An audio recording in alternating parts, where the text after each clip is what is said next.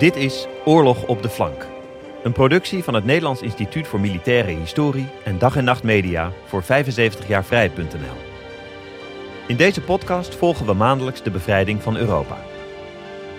Aflevering 7. December 1944. Het Duitse Ardennenoffensief.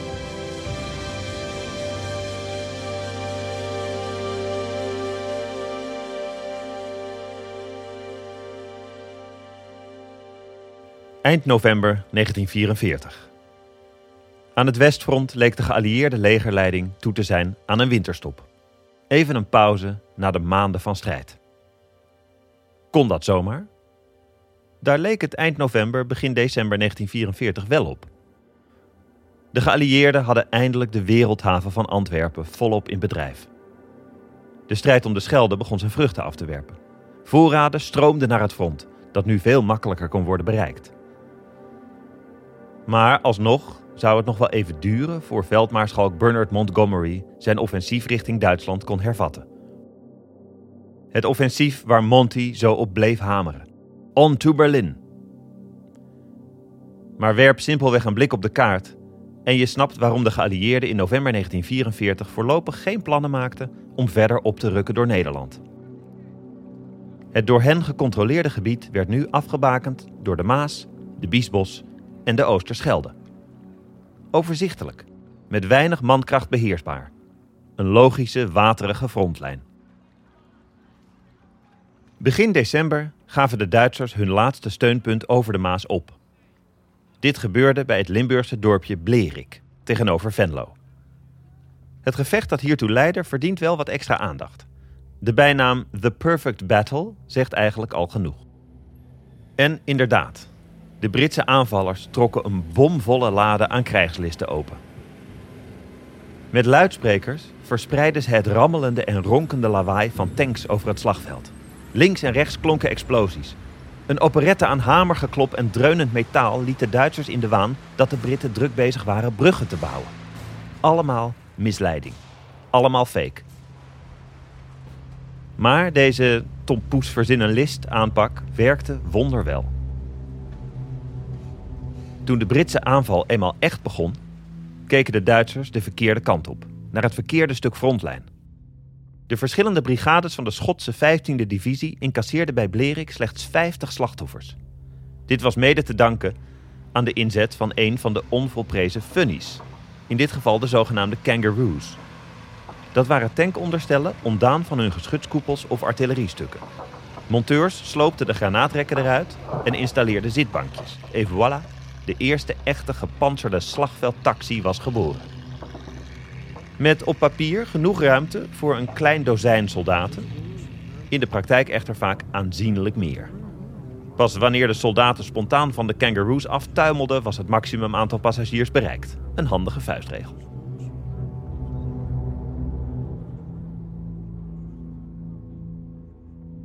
De bevrijding van Blerik ging dus de boeken in als The Perfect Battle. Maar was het dat echt? Zoals zo vaak waren het de burgers die klem zaten. Bij de bombardementen op Blerik kwamen 17 burgers om het leven. Een inwoner, Jover Hoeks, vertelde... Op 2 december werden wij door de Duitse soldaten uit huis gehaald en naar de Maas gedreven.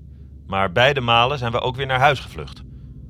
We brachten de nacht van onze bevrijding met 14 personen, onder wie twee baby's, door in een verbrandingsoven van onze buurman, houthandel Mulders. Honderdduizenden granaten suisden op Lerik neer. En om half acht morgens werd het zo erg dat het niet meer verantwoord was om met z'n allen in die oven te blijven. We zijn toen van de oven naar een bunker gekropen, nauwelijks 100 meter verder. Om drie uur die dag stonden de bevrijders bij de bunker. Je kunt je onze vreugde wel voorstellen. Met de definitieve herovering van Blerik op 3 december kwamen de geallieerden hortend en stotend tot stilstand aan de oevers van de Maas. En zo ontstond er een front dat Nederland in tweeën spleet. En dat voorlopig geen kant meer opging. Een bevroren front. Ook in letterlijke zin. Een ijskoude winter kondigde zich aan. Dit was The Watch on the River Maas, zoals de Britten het noemden. Aan de andere kant van het water groeven ook de Duitsers zich in. Het front lag eigenlijk wel prima zo, vonden de Duitse commandanten. Althans voor nu. Hitler had weer eens bevel gegeven elke vierkante meter met de laatste druppel bloed te verdedigen. Maar daar waren de Duitse generaals toch minder rechtlijnig in. In november al hadden ze hun ontsnappingsroutes naar Noord-Nederland laten verkennen. Daar was het betrekkelijk veilig voor zolang het duurde. En voor de verdediging van de Heimat zouden de geteisterde Duitse eenheden nog hard nodig zijn. Waarom ze dan nu opofferen in een zinloos gevecht? Voor de zekerheid zetten de Duitsers in november en december nog wel wat extra gebieden onder water. Zoals in de Betuwe. Ze noemden het Val Storch, oftewel Operatie Ooievaar. Radio Oranje berichtte vanuit Londen. U hoort thans het voornaamste nieuws door Jan van der Zee. De Duitsers hebben de dijk van de zuidelijke oever van de beneden Rijn laten springen, stroomafwaarts van Arnhem, waardoor het gebied tussen Arnhem en Nijmegen onder dreigt te lopen. The Watch on the River Maas. Met argusogen hielden beide partijen elkaar in de gaten. De Duitsers op de noordoever, de geallieerden op de zuidoever. Een vervelende, ijskoude, doorweekte nachtmerrie. S'nachts moesten pechvogels het water over om inlichtingen te verzamelen en krijgsgevangenen te maken. Puur militair gezien hadden die acties niet zo heel veel nut, maar ze hielden iedereen scherp. Althans, dat was de bedoeling. De situatie in Blerik liet goed zien wat de Watch on the River Maas in de praktijk inhield. Dus keren we nog even terug naar het bevrijde Maasdorpje. Daar had intussen oorlogscorrespondent Chester Wilmot zijn intrek genomen. Vanuit Blerik, that little village on the Maas, deed hij verslag. 200 meter verderop in Venlo, aan de overzijde van de Maas, hadden de Duitsers zich verschanst. De Britse artillerie was oppermachtig. En dat zouden de Duitsers in Venlo weten ook. At the moment, they're rather dangerously proclaiming their existence by disturbing the troops in the early morning. And some of them are still warbling away in the back part of the town now. They seem quite undisturbed by all the palaver that's been going on around Blerick in recent weeks. And now here are our guns starting up, away behind us, and then whining overhead and crumping down on the German positions on the far bank.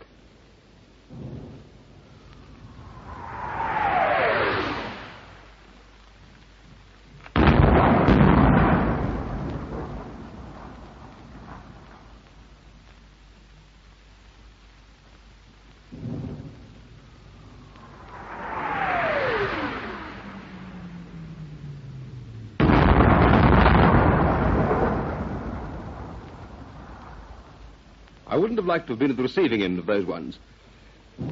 Every morning and evening we strafe the Germans on the far bank to remind them that we're still here and.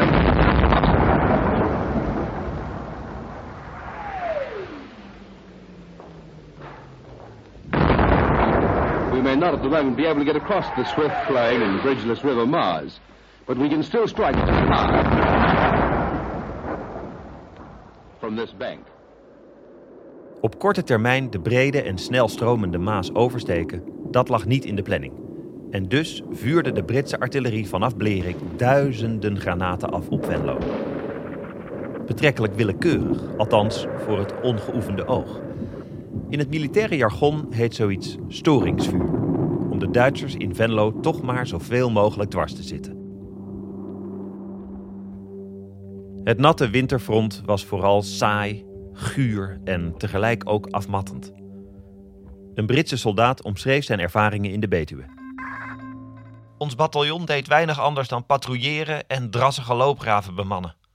In onafscheidelijk gezelschap van uiteengereten, rottende koeien. Alleen de verlofperiodes in Nijmegen zorgden dat we niet krankzinnig werden. We hielden bijvoorbeeld staande patrouilles. De hele nacht stilstaan achter een raam, vinger aan de trekker, klaar om te vuren. Allemaal niet erg meeslepend, maar toch zenuwslopend. En ja, wat doe je dan als je het koud hebt en je hebt de tijd als Brit? Inderdaad, je zet een kopje thee, wolkje melk. Niet alleen de Britten trouwens, ook de Canadese militairen versmaden het hete brouwseltje niet. Tijdens een van de vele rustige ogenblikken aan het rivierenfront legde de Canadese oorlogsverslaggever luitenant Jack Scott dit stukje theecultuur netjes uit. Our Army has the tea habit. Wherever there's a pause in the business of fighting a war, our troops can be counted on to have a brew up, just like any British soldier. We blijven nog even bij Jack Scott. In de radioreportage gaat het ook al snel over de beste methode om thee te zetten aan het front. De instructies. Ten eerste, graaf een geul van 20 centimeter diep, 25 centimeter lang en 20 centimeter breed. Ten tweede, giet een paar liter benzine in de geul. Vraag niet naar de herkomst van de benzine. Ten derde, ontsteek de benzine en plaats een pannetje water boven de geul. Ten slotte, wacht tot het water kookt en voeg de thee toe. Enjoy. Ook de Canadese kapitein Stewart had even tijd om uitleg te geven. Niet over het verloop van de strijd dit keer, maar over de theeceremonie. Added to all this, there was the eternal can of tea brewing in the middle of the fire. The whole thing was completely surrounded by infantrymen in various states of dress and undress, all of them enjoying themselves thoroughly and regarding with great delight what would be their first dry clothes for many a long day. And all of them drinking tea and saying, Well, it's hot and it's dirty. Thank you, Captain Stewart. Begin december 1944 was één ding in elk geval zonneklaar. Of beter, werd één ding opnieuw zonneklaar. Het bevrijden van Nederland boven de grote rivieren zat er voorlopig niet in. Het enige dat telde was de snelst mogelijke Duitse nederlaag, de val van het Derde Rijk. Vanuit militair oogpunt was het lot van bezet Nederland bijzaak. Een sombere vaststelling, die nog pijnlijker werd door de dramatisch verslechterende voedselsituatie in het dichtbevolkte West-Nederland. De effecten van operatie Market Garden eilden nog na. Bij het begin van deze operatie op 17 september was er een spoorwegstaking afgekondigd om de geallieerde opmars te ondersteunen. Als vergelding daarvoor hadden de Duitsers de voedseltransporten naar West-Nederland afgeknepen. Nu in december de temperaturen tot onder nul daalden, werden de gevolgen al te duidelijk. 4 miljoen Nederlanders werden bedreigd door honger. In Londen richtte premier Pieter Gerbrandi een smeekbede aan de geallieerden. Met de spoorwegstaking, onderstreepte Gerbrandi, hadden de Nederlanders zich loyaal opgeofferd om de geallieerden te helpen. Zo'n dapper volk verdiende toch enig krediet. De staking van het Nederlandse spoorwegpersoneel heeft zodoende gedurende deze twee maanden niet alleen uitmuntende diensten bewezen aan de geallieerde oorlogvoering, maar ze heeft de faam van Nederlands fel verzet heller dan ooit in den kring onze bond en strijdgenoten doen doorklinken. Aan de geallieerde opperbevelhebber, generaal Dwight D. Eisenhower, schreef Gerbrandi: De Nederlandse regering kan de bevrijding van lijken niet accepteren. Niet erg subtiel, wel kraakhelder. Veldmaarschalk Montgomery, nog steeds verantwoordelijk voor dit stuk front, ging niet overstag. Hij rekende voor dat een snelle bevrijding van West-Nederland minstens drie schaarse infanteriedivisies zou opslokken. En, redeneerde Montgomery verder, zou zo'n aanval uiteindelijk niet meer burgers het leven kosten dan de honger zou doen. Zijn baas Eisenhower deelde deze nuchtere analyse. Met tegenzin, maar hij kon niet anders. Dat gold ook voor premier Winston Churchill. Die verzuchtte: Helaas, maar ik kan niets voor Gerbrandi doen. Bezet Nederland ging een barre en vrede hongerwinter in. Over het verloop en de afloop van deze hongerwinter zullen we meer vertellen in de volgende afleveringen. Maar we kunnen al wel zeggen dat de honger zijn vleugels al direct uitsloeg. Zwarthandel, corruptie, hongertochten, de dood. Een jongen van 13 deed zijn verhaal. Op woensdag 5 december vertrokken we uit Haarlem. Er gingen veel vliegtuigen over en ik dacht, zat ik daar maar in, dan had ik tenminste niet zo'n honger. In Noord-Scharwoude vroegen we bij een boer om wat water. Die boer zei dat water voor de koeien was en gaf ons toen volle melk. We zaten zeven kilometer van Den Helder af toen we weer teruggingen. Het was een lijdensweg. Een huisvrouw uit Den Haag vertelde hoe ze met moeite wat kolen afstond. Ik kreeg in ruil een stukje vlees, wat later bleek een vierde deel van een hond te wezen. Het was zeer lekker, we wisten er niets van. Ondertussen in Berlijn zinde Adolf Hitler op een laatste wanhoopsoffensief. Een laatste poging het initiatief in het Westen terug te winnen. Een blitzkrieg in de oude vertrouwde stijl naar, hoe kon het ook anders, die oase van de geallieerde bevoorrading, Antwerpen. De meeste Duitse officieren reageerden verbijsterd toen Hitlers doldrieste plan doorkwam. Het leidde althans tot gefronste wenkbrauwen. Niet voor het eerst en zeker niet voor het laatst. Veldmaarschalk Gert von Rundstedt schijnt gezegd te hebben: Natuurlijk hadden we veel te weinig manschappen voor zo'n aanval richting Antwerpen, maar protesteren bij Hitler? Volkomen zinloos. Zelfs een van Hitlers trouwste SS-officieren, SS-Oberstgruppenführer Sepp Dietrich, was sceptisch. Dietrichs panzerleger zou spitsroede moeten lopen. Och, Hitler wil dat ik even de Maas oversteek, terloops Brussel verover en ook nog Antwerpen inneem. Dwars door de Ardennen, in metersdiepe sneeuw, met niet eens genoeg ruimte om vier tanks naast elkaar te laten oprukken, laat staan een paar panzerdivisies. Daglicht? Pas om acht uur s morgens. Om vier uur s middags alweer donker. Met opgelapte divisies vol kinderen en zieke oude mannen. En dan ook nog eens met kerstmis in zicht. Maar weigeren was geen optie. En dus stak von Roenstedt vlak voor de aanval, die op 16 december begon, zijn troepen een hart onder de riem. We vallen aan. Soldaten aan het westelijk front. Jullie moment van glorie is gekomen. Ik heb niets meer toe te voegen. Jullie snappen het belang van wat gaat komen. Vervul je heilige en bovenmenselijke plicht. Voor het vaderland. Voor de Führer. In de alles verhullende bossen van de Eifel verzamelden de Duitse troepen zich voor de aanval. In spanning. In onzekerheid. Maar ook met een sprankje hoop. Een korporaal in de tweede panzerdivisie herinnerde zich. We leken wel een verslagen leger. Maar nu gingen we voorwaarts. De kameraden waren opgewekt en enthousiast. Hoop, er gloorde hoop. Dit offensief zou niet de totale ommekeer betekenen, dat snapte ik ook wel. Maar het was in elk geval een moment om te koesteren. Alles draaide nu om de verrassing. Die eeuwige sleutel tot succes. Soldaten bereiden zich s'nachts voor en rusten overdag, was het Duitse devies. En de verrassing slaagde. Wonderwel. Zur Überraschung der Feindseite treten in den Morgenstunden des 16. Dezember starke deutsche Kräfte aus dem Westwall heraus zu einem völlig unerwarteten Angriff an. V1 und die Feuergeschosse der Nebelwerfer bringen plötzlich Vernichtung in und hinter die feindlichen Linien.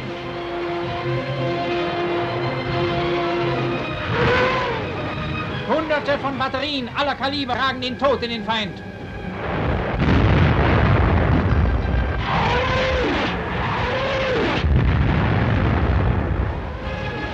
Im Trichtergelände warten die deutschen Soldaten auf das Zeichen zum Angriff.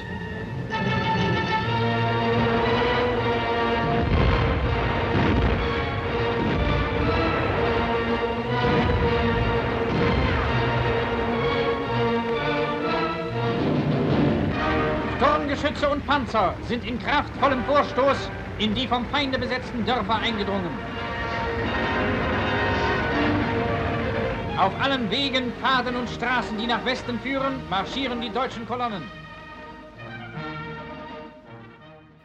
Slechts een paar dagen voordat het Ardennenoffensief op 16 december losbarstte, schreef een Amerikaanse militair nog aan zijn ouders: We wonen hier net zo comfortabel en veilig als in Engeland.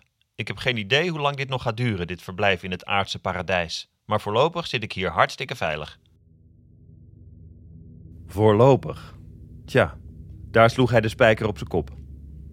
Een paar dagen later, op 16 december dus, joegen de Duitsers vanuit de Eifel tienduizenden granaten over de frontlijn. De Nebelwerfer, met hun angstaanjagende gegil, zaaiden scherven en paniek. Tiger-tanks kwamen in beweging als logge mastodonten. Panzergrenadiers in hun kielzog meevoerend. Het Ardennen-offensief was begonnen. Hitlers laatste poging het tij van de oorlog te keren. Al snel drong het bij de Amerikanen door dat er iets goed mis was. Dit was Big Trouble. In een tot dan rustig Belgisch dorpje proefde BBC-verslaggever Robert Barr de verbazing. om niet te zeggen verbijstering. Toch een Duitse aanval? Dat kon niet waar zijn. In the morning, there was a rumor that German tanks were just over the hill. Armed patrols went out on the roads.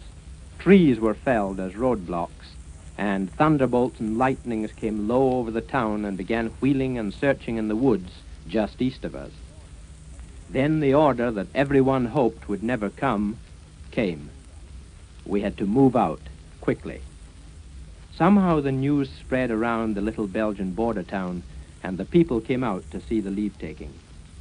Some of the troops had been there for three months. Many had made friends. There was handshaking and many questions. How near were the Germans? Did we think they'd come to their town again? Was it true the German tanks were just over the hill? There were awkward silences. The GIs couldn't answer that question. A truck driver tying the tarpaulin over his loaded truck swore quietly and said, I never thought this would happen to us. Er gebeurden nog wel meer rare dingen. Gestoken in Britse en Amerikaanse uniformen probeerden Duitse commando's chaos te veroorzaken achter de geallieerde linies. Om ze eruit te vissen stelden Amerikaanse soldaten vragen als: Vertel eens, wie was de derde president van de Verenigde Staten? En wat is de hoofdstad van Oregon? Of wie sloeg in 1938 de meeste home runs? Een quizje, maar wel eentje op leven en dood. Wie ontmaskerd werd, ging rechtstreeks voor het vuurpeloton. Het was alles of niets voor de Duitsers. Krijgsgevangenen zouden hun opmars vertragen. Vooral de voorste Duitse eenheden waren daarom soms meedogenloos. Zoals op de tweede dag van het Ardennenoffensief, toen de SS-kampfgroepen van Joachim Peiper 84 Amerikaanse krijgsgevangenen vermoordden bij Malmedy. Wie de slachtpartij overleefde, had veel geluk. Eugene Kingston was een van hen. Toen de Duitse machinegeweren begonnen te ratelen, liet Kingston zich vallen en bleef roerloos liggen. Wonder boven wonder overleefde hij. Later vertelde hij hoe. Een Duitser jatte mijn polshorloge en probeerde ook mijn ring in te pikken. Die Duitser moet mijn polsslag hebben gevoeld. Hij deed een paar passen terug en schoot een kogel dwars door mijn helm. Ik deed of ik dood was, maar nu echt. Iets verderop lag sergeant Kenneth F. Aarons in de sneeuw. Ook hij overleefde de slachting. Zo nu en dan passeerde een tank of een ander panzervoertuig. De bemanning schoot dan een riedel kogels onze kant op, gewoon voor de lol, lachend. Ze amuseerden zich kostelijk. Nog wankelend na de eerste Duitse mokerslag zochten de geallieerden naar een antwoord. Op 17 december riep Dwight Eisenhower zijn ondercommandanten bij elkaar. Zijn boodschap? De Duitse aanval is geen ramp, eerder een kans. Vandaag wil ik aan deze conferentietafel alleen opgewekte gezichten zien. Eisenhower maande zijn generaals tot snel handelen. Het Ardennenoffensief bood de gelegenheid om grote hoeveelheden Duitse soldaten in één keer uit te schakelen. Zoveel mogelijk divisies werden in allerijl richting de Ardennen gestuurd. Een van deze divisies was de Amerikaanse 101e Luchtlandingsdivisie, de Screaming Eagles. Oude bekenden, veteranen van operatie Market Garden en de strijd om Eindhoven een paar maanden eerder. Samen met de 82e Luchtlandingsdivisie, inderdaad, ook van Market Garden, vormden de Screaming Eagles de strategische reserve van generaal Eisenhower. Luchtlandingsdivisies en dus licht uitgerust, maar in tijd van nood, en dit was een tijd van nood, telde elke man. Op 17 december kwam de 101e Luchtlandingsdivisie aan in Bastogne of Bastenaken, een stad die door zijn ligging van cruciaal belang was. Een paar dagen later kregen ze bezoek. In de late ochtend van vrijdag 22 december naderde een groepje Duitsers omzichtig de buitenste Amerikaanse verdedigingsring. Wapperend met witte vlaggen. Of de Amerikanen wilden onderhandelen. Geblinddoekt werden de Duitsers naar een van de Amerikaanse hoofdkwartieren gereden. De Duitse delegatie had een ultimatum bij zich. Als de omsingelde Amerikanen zich binnen twee uur overgaven, zouden zij, samen met de inwoners van Bastogne, gespaard blijven. Nu was het wachten op het antwoord. Dat moest komen van generaal Anthony McAuliffe, commandant van de 101e Luchtlandingsdivisie. McAuliffe reageerde geïrriteerd.